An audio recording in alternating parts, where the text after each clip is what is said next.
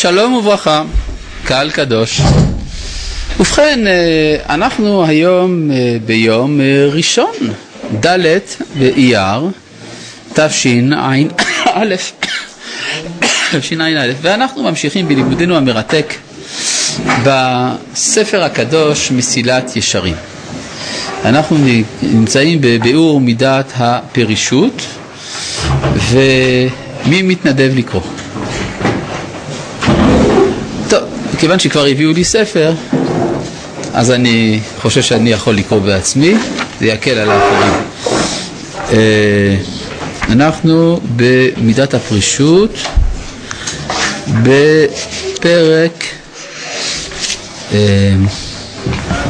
י"ד, כן? כבר הגענו. כן, דיברנו על מידת הפרישות באופן כללי. קודם כל להזכיר, מידת הפרישות היא המידה הרביעית. כן? אה, המידה הרביעית מתוך תשע המידות שספר מסיעת ישרים עוסק בהן. תשע המידות שספר מסיעת ישרים עוסק בהן הן המידות שאצל בברייתא של רבי פנחס בן יאיר נמצאות בין אה, התורה לבין רוח הקודש. תורה זה פעולה אלוהית ממעלה למטה. כלומר הקדוש ברוך הוא משפיע השפע העליון של תורה. ב... אה, אבל את התורה הוא נתן לכלל ישראל. לא כל אחד ואחד מאיתנו הוא נביא. הייתי אומר אפילו יותר מזה, בימינו אף אחד מאיתנו איננו נביא. אז זה קצת בעיה. כלל ישראל התנבא, אבל אנחנו לא נביאים. אנחנו רוצים לחדש את הנבואה אצל כל יחיד ויחיד, אז יש בשביל זה מהלך שמגיע מתורה לרוח הקודש. תורה זה ממעלה למטה, רוח הקודש ממעלה למטה. מה אני עושה באמצע? ממטה למעלה יש תשע המידות של ספר מסיעת ישרים. תורה מביאה לידי זהירות, זריזות, נקיות, פרישות, טהרה, חסידות וכולי, עד שבסוף מגיעים לרוח הקודש. עכשיו, כפי שלמדנו, ספר מסיעת ישרים מדבר על ארבע מדרגות של התפתחות האישיות, ישר, צדיק, חסיד וקדוש. כן, לפי הסדר של אה, תפילת ברכת נשמת כל חי, בפי ישרים ופסיטי צדיקים ולשון חסידים ובקרב קדושים. ישרים, לפי מה שלמדנו, זה מי שרוצה להיות צדיק. אבל הוא עוד לא, הוא רק ישר, הוא קורא את ספר מסיעת ישרים, הוא עוד לא הגיע למימוש. אחרי שהוא מקיים את שלושת המידות הראשונות, הלוא הן זהירות, זריזות ונקיות, הוא נהיה צדיק. מכאן ואילך, פרישות, טהרה וחסידות, זה כדי להיות חסיד. אחר כך ענווה, יראת חטא וקדושה, זה כדי להיות קדוש. אחר כך באה מידת רוח הקודש. אז אם כך אנחנו אם כן בשלשה האמצעית, אנחנו בחלק הראשון של השלשה האמצעית, המידה שעושה את האדם לחסיד. כדי להגיע לחסידות, וזה באמת, יש הבדל עצום, אם כן, בין השלוש מידות הראשונות שהן חובה, לבין שלושת המידות האמצעיות שהן לא רק שהן לא תמיד חובה, הן לפעמים גם אסורות, כלומר לא כל אדם יכול לעסוק בפרישות, זה לא תמיד טוב לו. אבל יש שלב שבו האדם זקוק גם לפרישות. מדוע, מה זה פרישות? שהאדם פורש מדברים המותרים, שזה דבר תמוה מאוד. אם זה מותר, אז למה שאני אפרוש? אם זה אסור, אני מבין, אבל אם זה מותר, אז למה שאני אפרוש? ולמדנו שיש אצל חז"ל מאמרים סותרים בדבר הזה, שמצאנו הנחיות המעודדות את הפרישות, ויש הנחיות המגנות את הפרישות. אז צריך להחליט, או שזה טוב, או שזה רע. והתשובה היא שזה תלוי. כלומר, בפרישות האדם צריך לפרוש ממה שעשוי להביא אותו לרע. כלומר, אני לוקח דבר שהוא מותר, אבל אני אוסר אותו. למה אני אוסר אותו? משום שאצלי הדבר הזה יכול לעשות אותי רע. כן, למשל הנה, הרואה סוטה בקלקולה, יזהיר עצמו מן היין.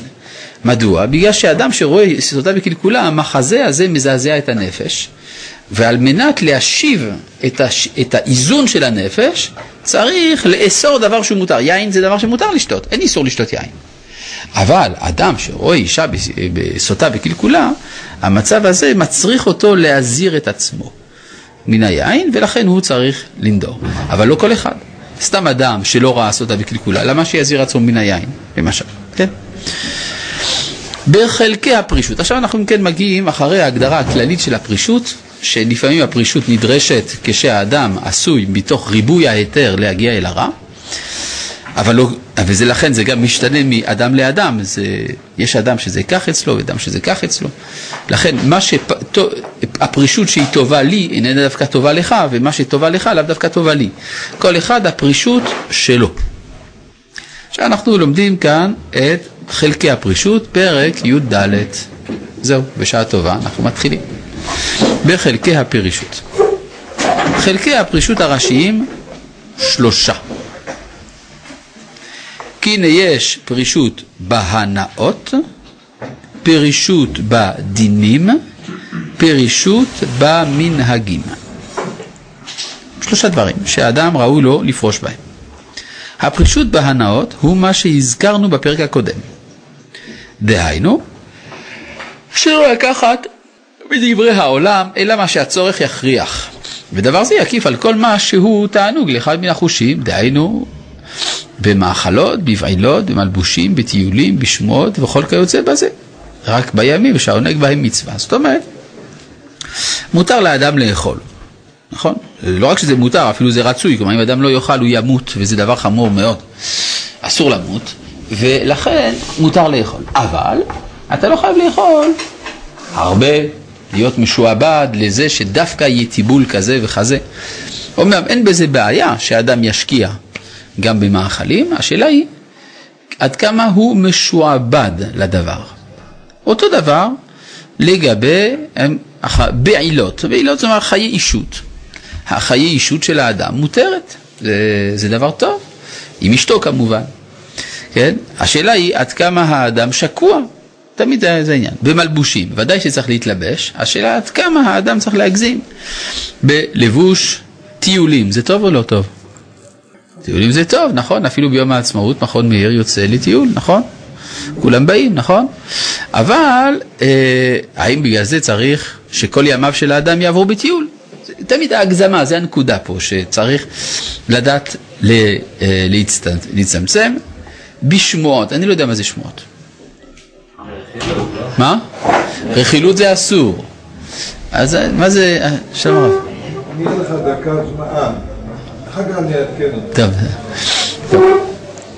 אה, מה זה שמועות? לומר את האמת, אני לא יודע בדיוק.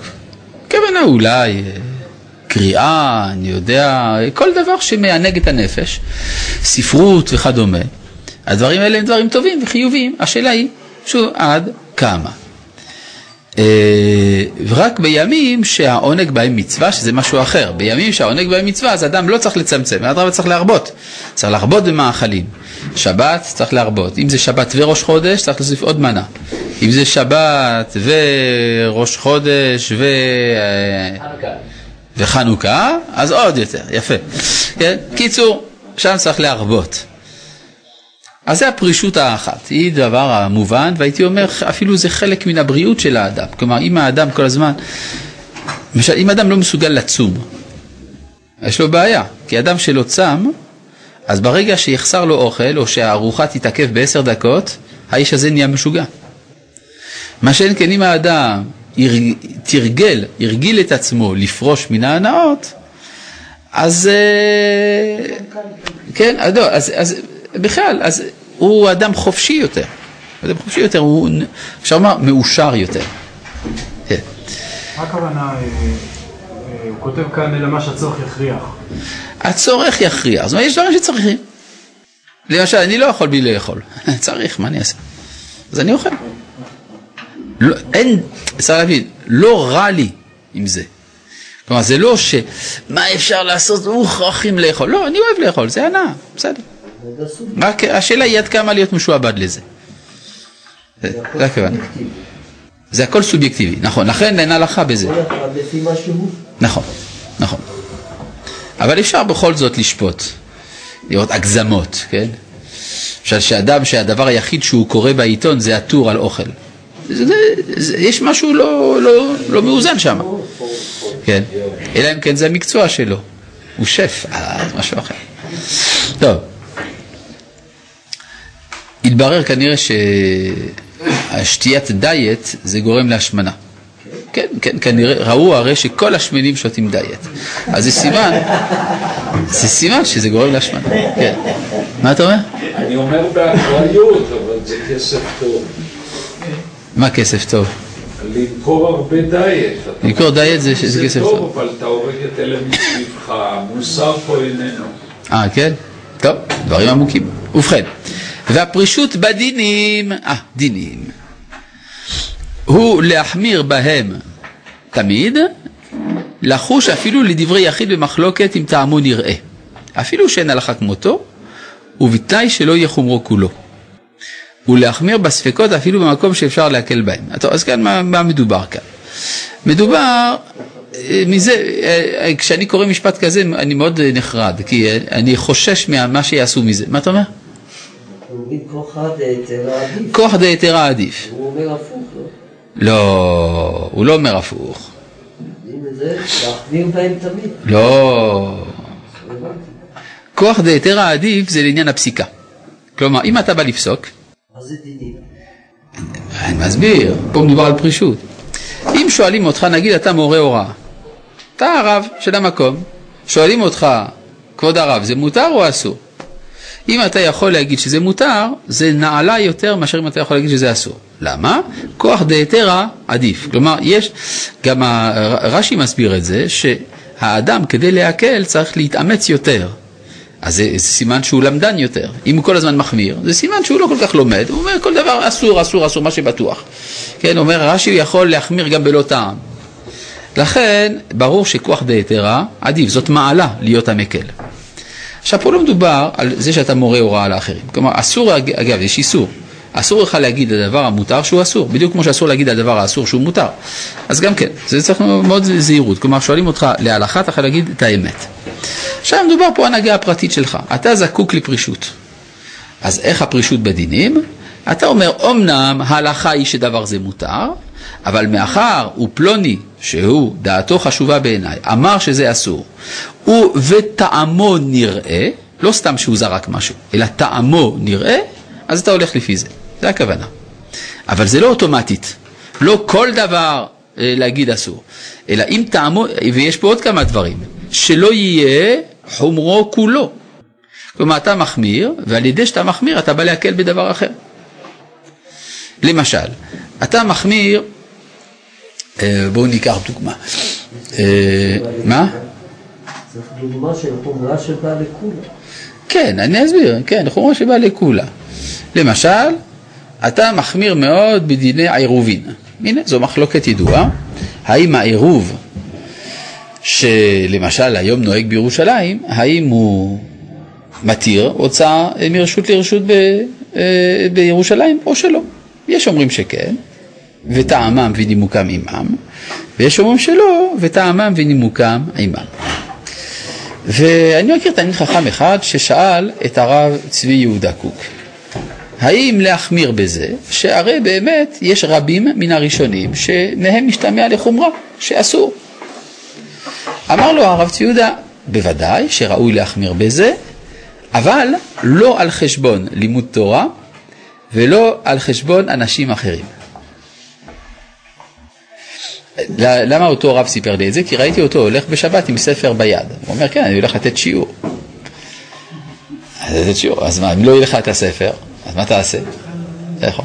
זאת אומרת, זה לפעמים אתה מחמיר חומרה, אבל בסוף יוצא שאתה בא לידי כולה, שאתה מקל בלימוד תורה או מקל בכבודם של אנשים אחרים. אז צריך מאוד להיזהר בדבר הזה. או למשל, אתה אומר, אני מחמיר שלא לסמוך על היתר המכירה בשמיטה. אה, יפה. אתה לא רוצה לסמוך על היתר המכירה בשמיטה. ואז מה, ואז מה אתה בעצם מחמיר על החקלאים?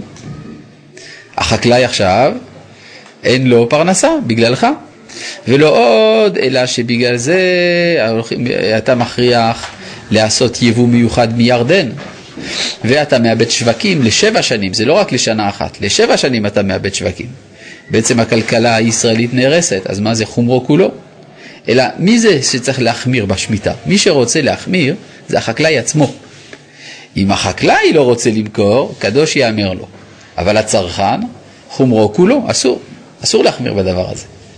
כן? או למשל, אה, הנה, יותר מכירה אחר, מכירת חמץ בפסח. ידוע, דבר מחלוקת, מחלוקת ידועה, האם הרמה הזאת היא מותרת או אסורה, היא באמת בעייתית, אני לא אומר. עכשיו, נגיד הסופרמרקט, הוא מכר. למה? הלך לרעב, זה כמות גדולה, יש לו שני טון נטריות, הוא לא יכול לחסל את זה כך מהר, הוא עשה מכירת חמץ. מותר לו או אסור לו? מותר לו. עכשיו אתה אחרי, אתה בעצמך לא מכרת כלום בבית. מה קורה אחרי החג? אתה הולך לסופר, אומר, אה, זה מכירה, לא קונה ממך. זה לא בסדר. למה? אתה אומר חמץ שעבר עליו בפסח. מתי אתה אומר חמץ שעבר עליו בפסח? כשאדם בעבירה, בין בשוגג ובין בבזיד, העביר את הפסח. אבל פה הוא עשה בהיתר, כיוון שיש לו רבנים לסמוך עליהם, למכור את החמץ. אז כשאתה לא קונה ממנו, בעצם אתה עבריין, שאתה פוגע בפרנסה שלו. לכן זה מה שאומר כאן, צריך להיזהר מאוד בחומרות, חומרות זה דבר מסוכן. שלא יהיה חומרו כולו. כן. אז זה שאתה רוצה להחמיר, בסדר, תחמיר בינך לבין עצמך, אתה יכול אה, לחוש לדעה של פלוני. עכשיו, גם פה, סתם להגיד, הרי יש מחלוקות ראשונים ואחרונים בכל דבר, נכון? על כל הלכה יש עשר דעות. אז מה תגיד? כל הלכה, הנה, צריך להחמיר כמו כל הדעות, כתוב פה במסויית ישרים. לא, הוא אמר, אם טעמו נראה. מה זה טעמו נראה? שאתה למדת. כן, פעם יהודי אחד שאל את הרב שלמה זלמן אוירבך, האם להחמיר בעירוב? כן, אותה שאלה שדיברתי מקודם. אז שאלו גם את הרב שלמה זלמן אוירבך. אז הוא אמר לשואל, תראה, אם אתה למדת את הסוגיה, ומתוך הסוגיה נראה לך טעמם של האוסרים, אז תחמיר. זה, זה הנחיה כללית לגבי חומרות בכלל, שאדם לא צריך להיות לקטן חומרות, כן, אספן של חומרות, אלא צריך לבדוק, אם במקרה אתה למדת את הסוגיה, ופה טעמו של האוסר נראה לך, אז יש מקום בהחלט להחמיר. אגב, האם יש מקום להחמיר בדבר שאף אחד לא אסר אותו? למשל, יש טיפת חלב נפלה לתוך מרק העוף. נפלה. כן, בדיוק אה, אישה החזיקה תינוק עם בקבוק, ובדיוק היא בישלה עכשיו את העוף לשבת, מרק עוף כזה טעים, התינוק תפס את הבקבוק, טפטף לתוך המרק. מה ההלכה? בטל בשישים. בטל בשישים. האם ראוי להחמיר? לא. לא, אסור להחמיר. כי מי שמחמיר בזה, בא ואומר שחז"ל, שאמרו שחלב בטל בשישים, הם לא בסדר.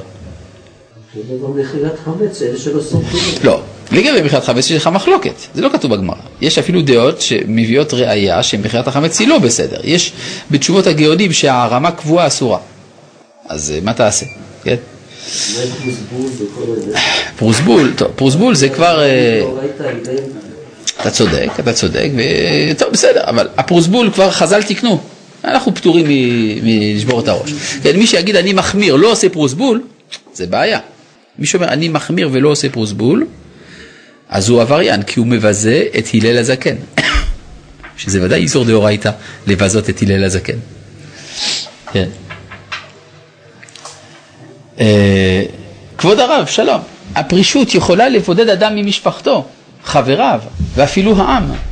אין הכלל עדיף? הנה, זה בוודאי, אתה צודק. זאת אומרת, מה שכאן אומר, מה שאומר המסיעת ישרים, שהפרישות בדינים היא ראויה במידה והיא לא פוגעת באחרים. אין חומרו כולו, אבל ברגע שאתה פוגע באחרים, בשם החומרה, אז זה כבר חוכא ואטלולא. בוודאי, דברים פשוטים. כן. אה, וכבר ביארו חכמינו ז"ל, מאמר יחזקאל, הנה מביאים פה מספר דוגמאות. הנה נפשי לא מטומאה. מה זה נפשי לא מטומאה? שלא אכלתי מבהמה שהורה בה חכם, ולא אכלתי מבשר קוסקוס. כן. זהו. אז מה זה בהמה שהורה בה חכם? מה זה בהמה שהורה בה חכם? שהייתה שאלה לגבי הבהמה הזאת. אז אני מעדיף לא לשאול. נכון, החכם הורה להיתר, אבל אני מצידי הייתי מוותר על הבהמה הזאת. כן. מה זה בשר קוסקוס? לא יודעים מה זה קוסקוס? מה? זה עוף, לא? לא, כוס זה עוף. יש עוף שקוראים לו כוס, פה כתוב כוס. לא? אה, אצלך כתוב כוס? אצלי כתוב. אצלי מנוקד בשורוק. טוב, לא משנה. לא, זה לא ינשוף. לא, לא ינשוף. ה- הכוס זה, זה, זה, זה, אתה צודק, זה ינשוף קטן, אבל זה, אבל זה אסור. אסור להאכיל, הבשר באכילה זה בהמה טמאה. זה עוף טמא. לא, כוס הכוונה, כוס או כוס, הכוונה שחט. זאת הוראה שאומרים לשוחט, מהר, שחט, שחט. מדוע? כי מדובר בבהמה אה, שהיא כבר, אה, היא הולכת ככה, אם לא נשחט אותה תוך חמש דקות, היא מתה. חבל עליה. אז אומרים, כוס, כוס, מהר, תשחט. כן. אז מותר לאכול מבהמה כזאת, כי כשפותחים אותה לא רואים שם שום סימני טרפה, אבל לא, לא ראוי לאכול מבהמה כזאת, כי לך תדע, אולי באמת היא מתה בדיוק בשעה ששחטו אותה. אז זה יחזקאל הנביא היה מקפיד על עצמו שלא לאכול דבר כזה. והנה כל זה מותר הוא מן הדין ודאי. אלא איהו דאחמירא נפשה. למה הוא החמיר על עצמו? כי הוא חשש מפני ששמא הדבר הוא בכל זאת אה, פסול. וכבר זכרתי למעלה שאין ללמוד ממה שהותר על כל ישראל לפרושים שיש להם להרחיק מן הכיור ומן הדומה לו ומן הדומה לדומה. וכן אמר מר עוקבא אנא בהי מילתא חלה בר חמרא לגבי הבא. דאילו הבא קדחל בשרה העידנא, או העידנא צריך להגיד, להבה אכל גבינה עד למחר כי השתה. וענה בהי סעודתא לאכלנה, בסעודתא אחיתא אכילנה. הנה דוגמה. אז ברור ש... אה, שמר עוקבא החמיר מאוד פה, כן? זה לא דבר שמחייב את כל ישראל, גם לא פוסקים את זה, בשולחן ערוך לא נפסק כמו מר עוקבא. כן. ובוודאי שאין פסק, האם זה מדובר על אביו של מר עוקבא? עכשיו נשאלת השאלה, למה מר עוקבא אומר על עצמו אנא חלה בר חמרא, שיעשה כמו אבא שלו וזהו. יפה. זו דוגמה מעניינת. אבא שלו היה מחמיר, והוא לא החמיר כמו אביו, למרות שהוא יכול היה להחמיר כמו אביו. אז למה הוא עשה כהלכה ולא עשה כמו אביו? כי זה לא התאים לו לעשות כמו אביו. כי זאת לא המדרגה שלו. בדיוק. כלומר, אם אתה מחפש חומרה שאיננה ראויה לך, זה מזיק לך. לכן מר עוקבא לא עשה כמו אביו, נכון? שאביו כדאכל בישרה העידנא לאו אכל גבינה עד למחר כי אשתה, והוא בהאי סעודתא להאכיל, אבל בסעודתא אכילתא, אכיל. כן. זה פחיתות מדרגה ליד אה, להצטרף לפרישות, או... זה צורך, לא יודע אם זה פחיתות מדרגה או עילוי עילוי מדרגה, זה, זה צורך. יש צורך לפעמים לעבור דרך הפרישות. ברור שהמעלה היותר עליונה זה הקדוש, הקדוש הוא לא פורש. אה? זה מה שלמדנו. אבל זה בדרך, לפעמים צריך פרישות. בסדר. ובוודאי שאין פסק ההלכה כמו שהיה אביו עושה, שאם לא כן לא היה מרו כבר עושה נגד זה, אלא שאביו היה מחמיר, מחמיר היה בפרישותו, ולכך היה מרו כבר קורא עצמו חלה בר חמרא, לפי שלא היה פרוש כל כך כמוהו. אבל הוא לא אמר שהוא צריך לעשות כמו אביו. בסדר? אבל, והוא זכה לתואר חלה בר חמרא. והפרישות במנהגים, אגב, אני רוצה לציין שבסוף השיעור יש מבחן שבו כל אחד פה יצטרך להוציא דף ולהסביר מה המשפטים שקראנו בארמית. נכון? למה? כי אם אף אחד לא שואל, סימן שמבינים, נכון? הלאה. והפרישות, מה? אומץ בן יין, לא? חלה בר חמרא זה חומץ בן יין, נכון. טוב, אתה יודע. כן. למה? כי הוא... אבל אתה חושב שרק המשפט הזה, כולם הבינו את כל המשפט, מה נכון? המשפטים האלה בארמית? למה לא שאלת? אבל. אז כתוב לך, אז אתה יודע. טוב, הלאה. והפרישות במנהגים. מה? אבל הוא שואל, הוא שואל רק כדי לרצות אותי. מצד האמת הוא יודע פירוש המשפטים. בסדר? טוב. והפרישות במנהגים הוא התבודדות והיבדל מן החברה המדינית. מה זה חברה מדינית? זה ביטוי מוזר קצת, החברה המדינית. הכוונה מהחברה. המדינה, הכוונה החברה. כן, אז זה אומר שאדם צריך אה, לא כל הזמן להיות מעורה בחיים החברתיים, לפנות ליבו אל העבודה וההתבוננות בה כראוי, ובתנאי שלא ייטה גם בזה אל הקצה האחר, שכבר אמרו ז"ל, לעולם תהיה דעתו של אדם מעורבת עם הבריות. וכן אמרו חרב על הבדים ונוהלו חרב על שונאיהם של תלמידי חכמים שיושבים בבד ועוסקים בתורה. כן, ודאי צריך האדם שיהיו לו חיים חברתיים, יחד עם זה הוא לא צריך להיות כל הזמן משועבד אל מה שנקרא העדריות, שאדם כל הזמן נמצא עם אחרים, אלא יתחבר האדם עם הטובים בזמן מה, שמצטרך לו ללימודו או לפרנסתו, ויתבודד אחר כך להידבק באלוהיו ולהשיג דרכי היושר והעבודה האמיתית. ובכלל זה, אז אז גם הרמב"ם כותב את זה במורה נבוכים, שהאדם צריך להשתדל שיהיו לו זמנים שבהם הוא נמצא לבדו. בשביל מה זה טוב? בשביל מה זה טוב להתבודד? תפילה שבלב. תפילה אתה אומר? מעניין, הוא לא אומר את זה, זה לא ברסלב פה. הוא לא אומר את זה. הוא אומר לפנות ליבו אל העבודה וההתבוננות בה כראוי.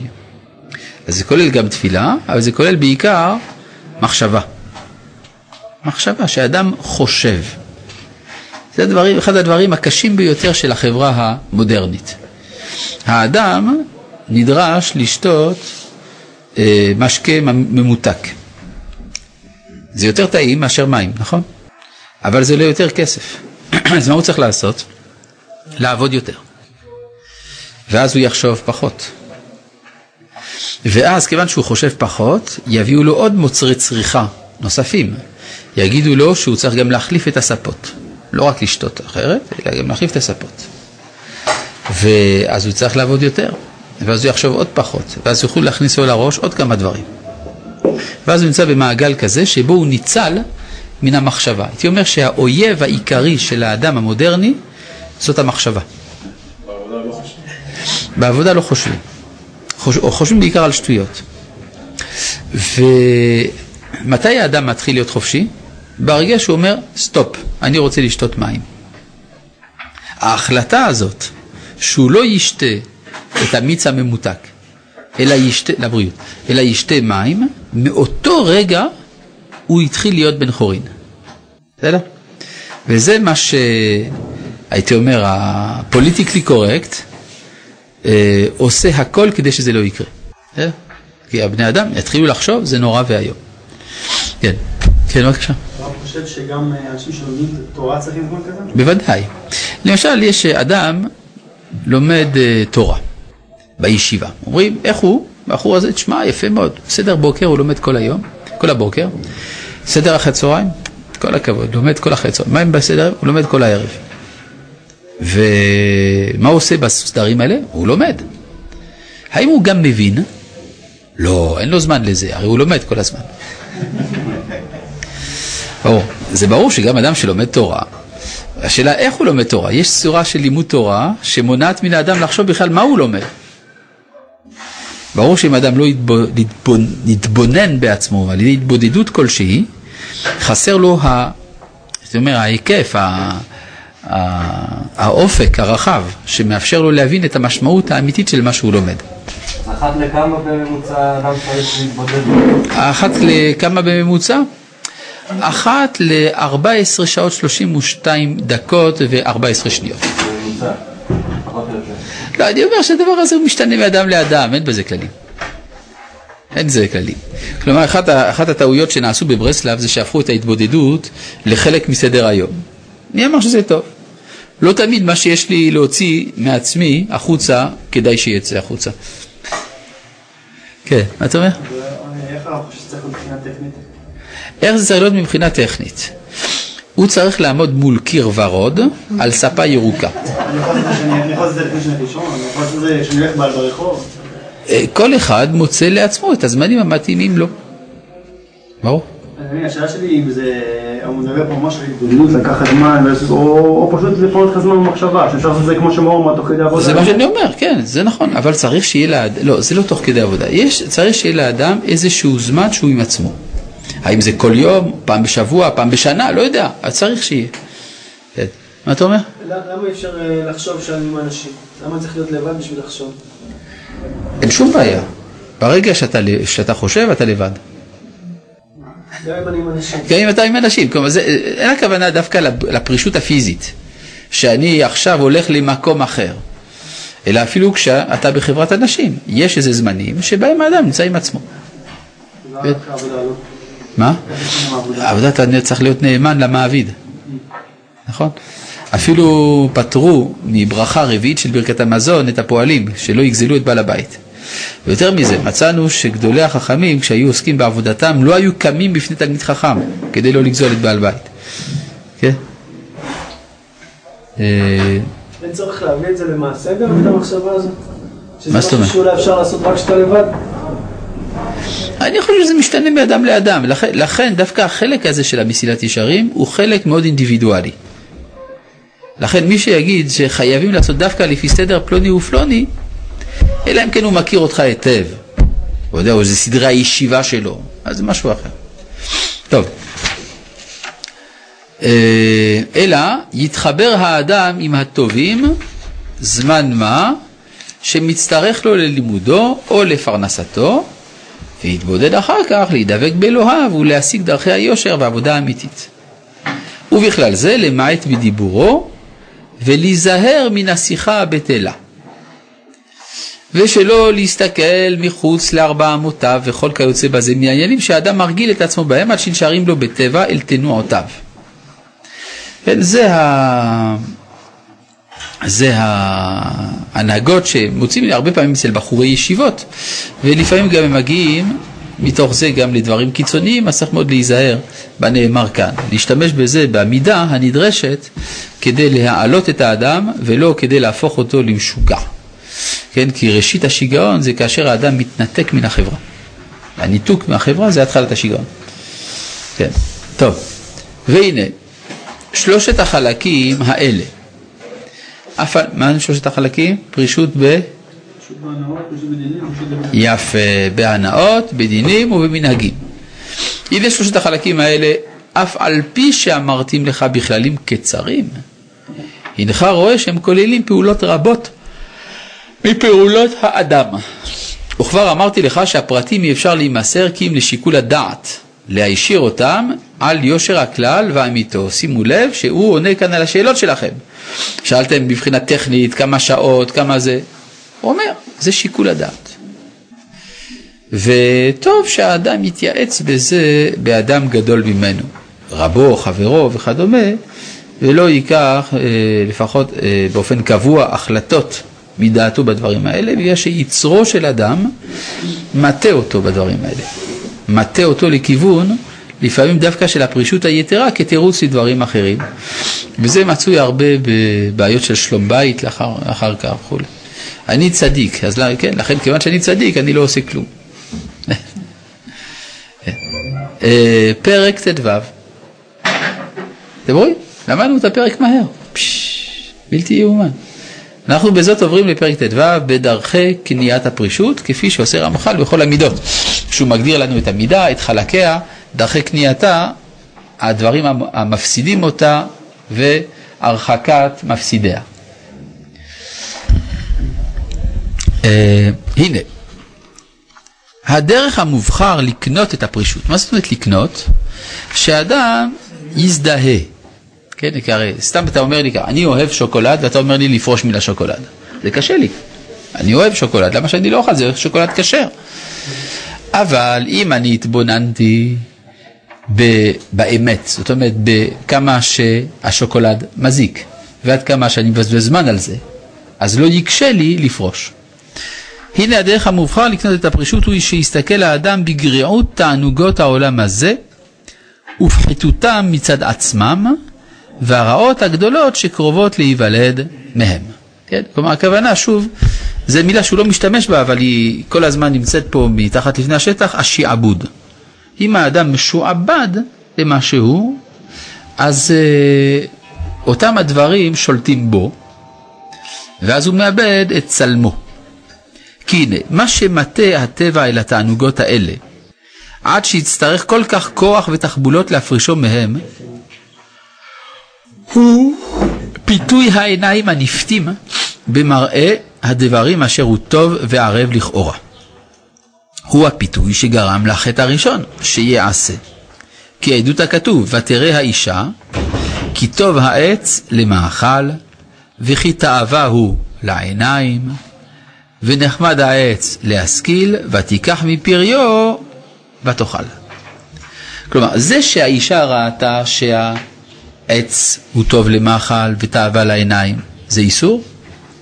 אין בזה כל איסור. מותר להתבונן בעץ הדעת ולראות כמה שהוא טוב למאכל וכמה הוא תאווה לעיניים. וכמה נחמד העץ להשכיל. כל זה מותר להתבונן, ואפילו רצוי במצב מסוים. הבעיה היא שהאישה נמשכה אחרי החוויה האסתטית הזאת, באופן שאי אפשר היה שזה לא יוביל גם לאכול, ותיקח מפריו ותאכל.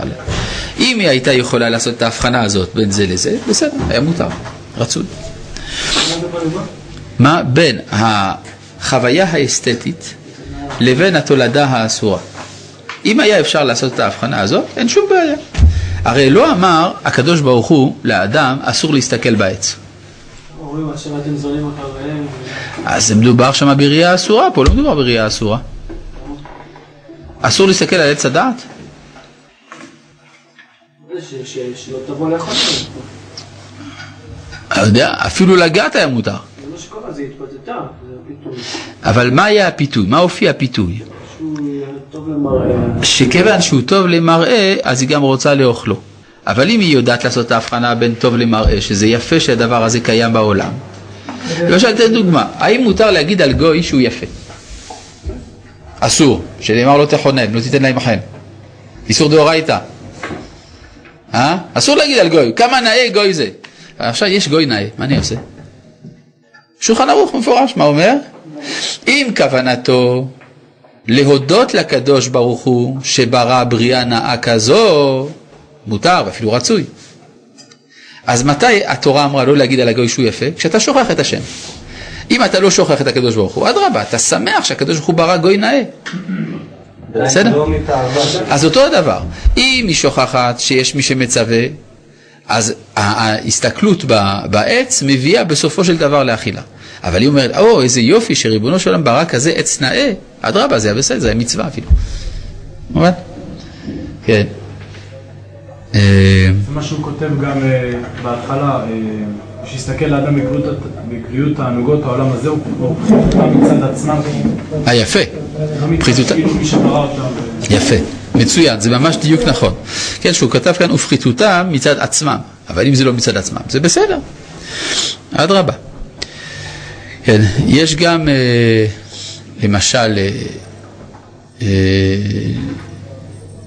אה, חמץ בפסח, הנה, דוגמה. האם מותר, ב... מי שלא עשה בדיקת חמץ לפני פסח, למה עושים בדיקת חמץ? כדי שלא יישאר חמץ. למה לא רוצים שיישאר חמץ? בגלל שבפסח הוא ימצא את זה יאכל. שלא יבוא לאוכלו. עכשיו, אדם לא עשה בדיקת חמץ לפני פסח. מתי הוא עושה בדיקת חמץ? בפסח. מה, הוא לא יבוא לאוכלו? אומרת הגמרא, מתוך שעשו, שעסוק בלבערו, לא יבוא לאוכלו. כלומר, המפגש שלו עם החמץ הוא מפגש שעניינו לבער, אז זה מותר. או למשל גם דעות זרות, כן? עבודה זרה. האם מותר ללמוד ספרי עבודי עבודה זרה או לא? אסור? הרמב"ם אומר, אין ספר של עבודה זרה שתורגם לערבית שלא קראתי. אם זה בשביל לשלול אותה. יפה, כלומר, אם זה בשביל לשאול, כלומר, אם סתם ככה אתה אומר, אולי זה נכון, אולי זה לא נכון, אז אסור. אבל אם אתה בא עכשיו בתוך, מצד מלחמת האמונות והדעות, אדרבה, צריך לברר מהן הדעות. ויש לי אפילו ראייה לזה, שדעותיהם של עובדי עבודה זרה כתובות בתורה. מה? מה, לא כתוב בתורה שיש אנשים שעובדים עבודה זרה? כתוב, נכון? אפילו יש דברי גידוף נוראים, ראיתי כתוב בספר שמות, שמה מי השם אשר אשמע בקולו, לא ידעתי את השם וגם את ישראל לא אשלח. זה נורא, אני חשבתי להוציא את זה מהספר תורה שלי, אבל אמרו לי בבית כנסת שאומרים שבלי זה זה ספר תורה פסול. טוב, אז השארתי, זה בתוך ארון קודש, לא יודע מה לעשות. כן? אבל זה, אם מנתקים את זה משם לא. כלומר, אתה צריך להבין את ההקשר שבו הדברים נאמרים. כל דבר, אין, הרי אין דבר ש, שאין לו ערך מצד הקשרו, אה, מצד ההקשר הנכון. בסדר. אז אה, יש אפילו הרב קוק בספר, בספר הקדוש אה, אה, לנבוכי הדור. מדבר על בל תשחית, הוא אומר שיש גם איסור בל תשחית בדעות. אתה רואה דעה, אתה אומר הדעה הזאת לא שווה כלום. אל תעשה את זה, זה בל תשחית, אומר הרב קוק. תבד, תבדוק מה בתוך הדעה השנייה נכון ומה לא נכון. מה שלא נכון, תשחית, מה שלא נכון, יש איסור בל תשחית. זה מעניין. טוב, כן. אם יש אה, איזשהו אה, אה, תענוג מסוים שאני לא משועבד בזה, אבל מצד שני אני לא מחבר אותו, אני מסתכל עליו מצד עצמו. אז זה, זה בדיוק השאלה, מה שאתה שואל. יש מושג כזה באומנות, מה שנקרא האומנות לשם האומנות. מכיר את זה? מושג כזה, הרבה אומנים משתמשים בזה. האומנות לשם האומנות. זה ההתחלה של עבודה זרה. זה בדיוק העניין. כלומר, ברגע שאדם יש לו חוויה שהיא מנותקת מכל דבר שהוא, היא לא עומדת מצד עצמה, זה סוג של אובדן משמעות, בסופו של דבר. כן. טוב, אה, איפה היינו? אה, הנה, אה, וה... ותראה, ותראה מרוז אבל כשהתברר אל האדם, היות הטוב ההוא כוזב לגמרי, מדומה ובלי שום התמדה נכונה, והרע בו אמיתי או קרוב להיוולד ממנו באמת, ודאי שימאס בו ולא ירצהו כלל. על כן זהו כל הלימוד שצריך שילמד האדם את שכלו, להכיר בחולשת התענוגים האלה ושקרם, עד שמאליו ימאס בם ולא יקשה בעיניו לשלחם מאיתו. כלומר, מה שהרמח"ל כאן רוצה לעזור לנו זה שלא יקשה לו לאדם לפרוש. כן, כלומר, יש אדם שגורם לעצמו סבל. כן, הגמרא אומרת למה בנזיר נאמר וכיפר עליו מאשר חטא על הנפש, שמדובר בנזיר שציער את עצמו מן היין. יש לו צער מזה שהוא אוהב יין והוא לא שותה רק בגלל שהוא נזיר. אז זה אומרת הגמרא, חטא על הנפש. למה היית צריך להצטער? אבל אם האדם אומר, יין בכלל לא מעניין אותי, אני לא רוצה שכרות, אני רוצה צלילות הדעת. אז זה שהוא פורש מן היין, זה דבר קל, נכון? לכן אם אתה רואה אותו שאתה רוצה גם לעזור לחבר שלך, לפעמים יש מצבים שהוא לוקח בקבוק, אז אתה תופס לו את הבקבוק לפני שהוא שותה, זה לא אומץ לב, רק רצית סך הכל שהוא יחזור הביתה בשלום. אבל, אה, אבל הדרך המפולשת לאדם זה שהוא יפרוש ממה שהוא פורש מתוך הכרה שכלית, שהדבר ראוי לפרוש. הנה, תענוג המאכל הוא היותר מוחש ומורגש. הנה, עכשיו ניתן לנו דוגמאות. היש דבר אבד ונפסד יותר ממנו? כן, מה? בקשר לנזיר. כן. נזיר נקרא קדוש, וגם נקרא חוטא. אז תלוי איזה נזיר זה. כן. הוא- למה הוא התנזר? כי הוא רואה בזה, זה מה שהמצווה אומרת כרגע, להתנזר הוא מאוד רוצה יין. אז הוא, הוא מצטער. הוא. אז חבל שהוא נדר נזירות. אנחנו רואים אבל בהדרכה של, בהמות אה, לא קשורות. לא לא ידיעי אפשי, אני לא רוצה את זה כי אני לא... זה, אלא אפשי, שאני באמת רוצה את זה, אבל השם מסר עליי את זה. נכון. הוא אומר שכן אדם, כאילו, זה מלא מראה מעלה שאדם מתאבד, וזה אבל הקדוש ברוך הוא אמר לי, לא, אז אני... בעצם, אני כופף את הרצון שלי לרצון הקדוש ברוך הוא. So what? הנזיר פה, הוא רוצה את זה, אבל הוא... הנזיר, לא, זה, גם הנזיר מקיים אפשי ואפשי, מה אעשה שאבי שבשמיים גזר עליי, שמה גזר? שמצוות נזירות איננה תלויה בזה שאתה מצטער או לא מצטער. אתה, ברגע שאדם נדר נזירות, הוא חייב לקיים. אבל הטענה היא למה הוא בכלל נדר? הוא לא צריך להביא את עצמו לידי חיוב כזה. למה הביא את עצמו למצב שעכשיו הוא יצטער? הוא לא היה צריך. זה החטא. הוא רצה להיות קדוש. הוא רצה להיות קדוש והוא אה, טעה בשיקול הדעת. שהוא חשב שעל ידי זה יהיה קדוש, סך הכל נהיה רק חוטא. זו המטרה שבעצם בנזיר שהוא יבין את ה... הוא- אם הנזיר, כן, אדם נזיר הוא פשוט מתעלם מעל היין. הוא לא רוצה לסבול. הקדוש ברוך הוא לא רוצה שאדם יסבול. אבל מה, היין משעבד את האדם, עושה אותו שיכור. אז הוא נודר מן, מן היין כי הוא רוצה להתעלות. מתוך האהבה, אהבת השם. הרב, הוא יכול לשתות אבל אה, ערק, נגיד, לא? לא משנה. לא, אל תיכנס לפרטים עכשיו, זה לא משנה, אנחנו מדברים פה על העיקרון. ברור. אה, אבל אם הוא מבין את זה, אז אין כבר כוח לנזירות, מה זה, אם הוא מבין, אז ממילא הנזירות היא רק... כי הוא לא... נכון, נכון, נכון, אבל אם ככה הוא הרוויח גם קדושה. אבל ברגע שהוא עשה את זה דרך נדר נזירות, אחרי שהוא הבין שהיין איננו ראוי, ועכשיו הוא נודר נזירות, אז הוא זוכה למעלה של קדושה. שווה. בסדר? הנה תענוג המאכל, הוא היותר מוחש ומורגש. היש דבר אבד ונפסד יותר ממנו? שהרי אין שיעורו אלא כשיעור בית הבליעה. כן, כמה זמן אדם נהנה מן המאכל? כל זמן שהוא בבית הבליעה, נכון? כיוון שיצא, מה הגודל של בית הבליעה אגב? הגמרא אומרת, נכון? כביצה. כביצה. תנסו להכניס ביצה לבית הבליעה, נראה אתכם. לא תצליחו. זה מוכיח שלא על, לא על, ביצ, לא על כביצה של היום מדברים. הביצים של פעם היו קצת יותר קטנות מהביצים של היום. לא, לא, לא. הביצים של פעם, זה ידוע, זה, אז, הרי פיתחו את הביצים. היום הביצים גדולות, אבל הביצים של פעם היו קצת יותר קטנות. ואז באמת זה היה נכנס לבית הבליעה. לו ביצה של תרנגולת. לא, ביצה של תרנגולת מדובר. מדובר ביצה של תרנגולת, אבל זה היה קצת יותר קטן. מה אפשר לעשות? מצאו אפילו ביצים חנותות בפירמידות, מצאו. הן יותר קטנות משלנו. כן. הזמן כבר... לא, החניתה, החניתה גורמת שזה נשאר באותו גודל. כן. מצאו, מה אפשר לעשות? אה, אלא כשיעור, שהרי אין שיעורו, מה שגם הזיתים היום, אה, טוענים, כזית היום, עושים כזית זה בערך שני ליטר, נכון? זה כזית, עוד מעט זה יהיה, עוד לא הגענו אבל זה עוד מעט יהיה. כן, יש בעיה אחת, מצאו בחפירות ארכיאולוגיות גרעיני זיתים, מלפני אלפיים שנה, מלפני שלושת אלפים שנה מצאו גם. וזה אותו גודל כמו הזיתים של היום, אותו דבר. כן, טוב. אלא כשיעור, אין שיעור אלא כשיעור בית אבליה, כיוון שיצא ממנו וירד בפני המעיים, אבד זכרו ונשכח כאילו לא היה. וכך יהיה שבע אם אכל ברבורים אבוסים, כמו אם אכל לחם כיבר, אם אכל ממנו כדי שביעה. אז זאת אומרת שברור, סך הכל ההנאה של המאכל היא הנאה רגעית מאוד.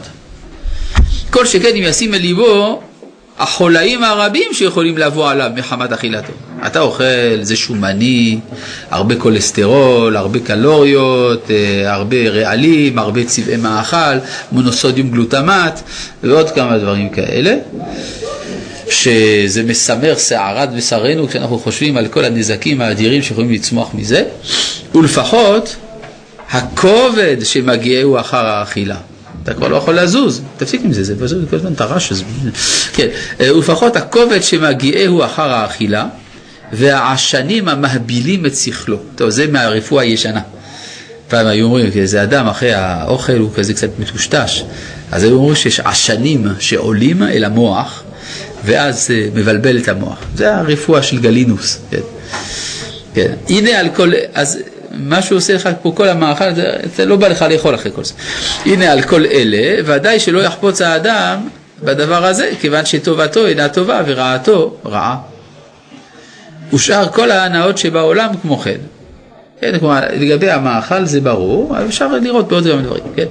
אפשר לדבר על הכסף שזה עולה. אנשים אומרים, אני חייב שיהיו בחתונה לפחות 30 סוגי סלטים, אם לא החבר'ה יצחקו עליי. ארבעה סוגי בשר, שמונה סוגי גלידות ועוגות בסוף. כן. ואם לא תעשה, מה יקרה? הזוג יהיה פחות מאושר. אגב, המציאות מורה שככל שאדם משקיע יותר בבומבסטיות של החתונה שלו, כך הזוגיות בדרך כלל יותר דפוקה. זה הוכח מן המציאות. כמו כן, אילו, אני מכיר, פעם הגיע אליי זוג, שלושה ימים אחרי חתונתם. מה הם רוצים? להתגרש. למה? אה, פשוט, הם במשך שנה וחצי הכינו את החתונה. זה היה בשבילם, לומר, פסגת אה, המאוויים שלהם. כל עולמם היה מסביב לחתונה הזאת. אבל אה, המשפחות הלכו מכות בחתונה בגלל איזה ריב על מי ישלם את החדר במלון לזוג אחרי החתונה. אז הכל הלך. ומכיוון שכל סיבת קיומם, כל, סיבת אה, היותם נשואים לא הייתה אלא בשביל החתונה הגדולה הזאת, לכן, אחרי שכל זה נכשל, לא, הייתה, לא היה טעם לנישואיהם בכלל. כן, לכן, אחרי שלושה ימים באו אליי לשאול איך מתגרשים. כן. אה, ושאר כל ההנאות שבעולם, כמו כן. סוף טוב לסיפור? סוף טוב, אני לא יודע בדיוק, נתתי להם כמה עצות. לא איך להתגרש, אבל אה, טוב, אני לא יודע, לא, לא עקבתי אחרי זה. מה? אם בן אדם לא מצליח, אה, הוא לא מצליח אה, לשכנע את עצמו בדבר הרע של זה, כן. של אותו תענוג שהוא חושב שהוא, באותו תענוג הוא צריך לפרוש ממנו. אז אה, אפשר. ללמוד מנזיר, שזה נקרא... אם. אדם לא מרגיש את הגריעות של התענוג, שהוא קשה, והוא קשה לו לפרוש ממנו, שלא יפרוש. הרי לא מדובר פה בדברים האסורים, דברים מותרים מדובר. כן? למה שאדם יסבול? כן. זה ככה לא בגלל חוסר הרגשה, אלא מחוסר... זה כמו שלמשל אדם, למשל יש מידת חסידות, שזה לשים אה, ציצית, נכון? יש בגד כזה, ארבע כנפות, ציציות. זה לא חובה, נכון? מידת חסידות. לא חייבים. מה? אין שום חיוב לעשות את זה. זה מידת חסידות. עכשיו, למה הרב לא חייבים? מה? למה לא חייבים? כי, זה, כי, כי אין חיוב, תראה תראה לי איפה כתוב בתורה שאני צריך לשים דבר כזה, אני אשים. ישראל מה? קיבלו על עצמם? לא קיבלו שום דבר על עצמם, שום דבר. אין שום חיוב לשים ציצית, גמרנו. עכשיו, זה דבר טוב לשים ציצית. למה שמים ציצית? הנה, יש לי פה אפילו. כן, למה שמים? זה מצד חיבוב המצווה. אדם מישראל רוצה להיות במצב שהוא מחויב במצווה, לכן אנחנו לובשים בגדים של ארבע כנפות עם ציציות. אבל יש אדם שסובל מזה. והרם שלו בישיבה התיכונית רודף אותו בגלל זה. וכל הזמן אומר לו, במקום להסתכל על הבן אדם, האם הוא בן אדם טוב או בן אדם רע, האם יש לו יראת שמיים או אין לו יראת שמיים, איך היחסים במשפחה, שזה דברים חשובים, יש דינים דאורייתא בזה.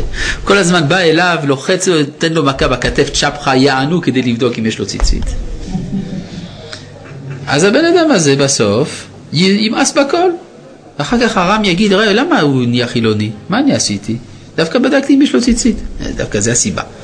כן, אתה הכרחת אותו בדבר שהוא מידת חסידות, ורק גרם לו סבל. זה לא. לא שזה לא טוב לשים ציצית, אבל אני אומר, צריך לדעת אה, את הפרופורציות. כן.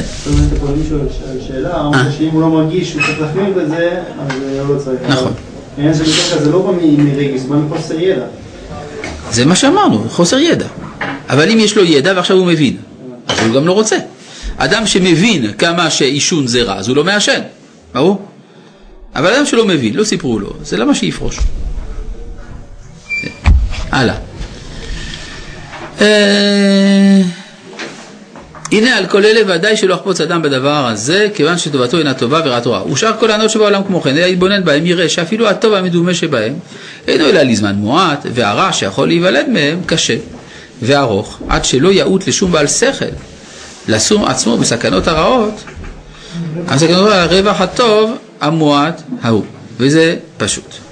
וכשירגיל את עצמו ויתמיד בעיונו על האמת הזאת, הנה מעט מעט יצא חופשי ממאסר הסכלות אשר החומר אוסר אותו בו, ולא יתפתה מפיתויי ההנאות הכוזות כלל. אז ימאס בהן וידע שאין לו לקחת מן העולם אלא הכרחי, כמו שכתבתי. והנה, כמו שההתבונן על זה הדבר גורם קניית הפרישות. עכשיו דיברנו על מה שגם גורם לא לדעת, גם סכלותו מפסיד אותו. כלומר, כזה שאתה לא יודע את הדברים האלה, זה גורם להפסיד את הפרישות, וההתמדה בין השרים, כלומר, כלומר חברת הסנובים, מה שנקרא, ואנשי הגדולות הרודפים אחר הכבוד ומרבים ההבל. בימי רמח"ל, זה תקופת הרנסאנס, נכון? בצפון איטליה. אז שם ירבו בהרבה שטויות וקשקושים כאלה, נכון? אצל האצילים באיטליה. כן, אומרים ההבל, כי בראותו את היקר ההוא והגדולה ההיא, אי אפשר שלא תתעורר תאוותו בו לחמוד אותם. גם אני רוצה מרצדס. ואפילו לא יניח את יצרו שינצח אותו, על כל פנים מדי מלחמה לא יימלט. טוב, בסדר, אני אוותר על המרצדס, אבל אני אקנה כל הזמן חוברות על המכוניות, כי זה הלוואי והיה לי. והנה הוא בסכנה, וכעניין זה הוא, אמר שלמה, טוב ללכת אל בית אבל מלכת אל בית המשתה, ויקר מן הכל הוא ההתבודדות, כי כמו שמסיר מעיניו ענייני העולם, כן מעביר חמדתם מליבו, וכבר הזכיר דוד המלך עליו השלום בשבח ההתבודדות, ואמר, מי ייתן לי עבר כיונה, עופה ואשכונה, הנה הרחיק נדוד, עלין במדבר סלע. והנביאים אליהו ואלישע מצאנו אותם יחדים מקומם על ההרים מפני התבודדותם. החכמים והחסידים הראשונים ז"ל הלכו בעקבותיהם כי מצאו להם זה האמצעי היותר מוכן לקנות שלמות הפרישות למען אשר לא יביאו מהם לחבריהם להביל גם הם כמותם. ומה שצריך להיזהר בקניית הפרישות הוא, אגב כשאתה עושה התבודדות בהרים אז תדע לך שהפקח של רשות השמורות הטבע אחרי ארבע אומר לך לצאת מן השמורה. וממה שצריך להיזהר בקניית הפרישות הוא שלא ירצה האדם לדלג ולקפוץ אל הקצה האחרון שבו רגע אחד, כי זה ודאי לא יעלה בידו, אלא יהיה פורש והולך מעט מעט. היום יקנה קצת ממנו, מחר יוסיף עליו מעט יותר, עד שיתרגל בו לגמרי, כי ישוב לו כמו טבע ממש. עד כאן להיום. שלום.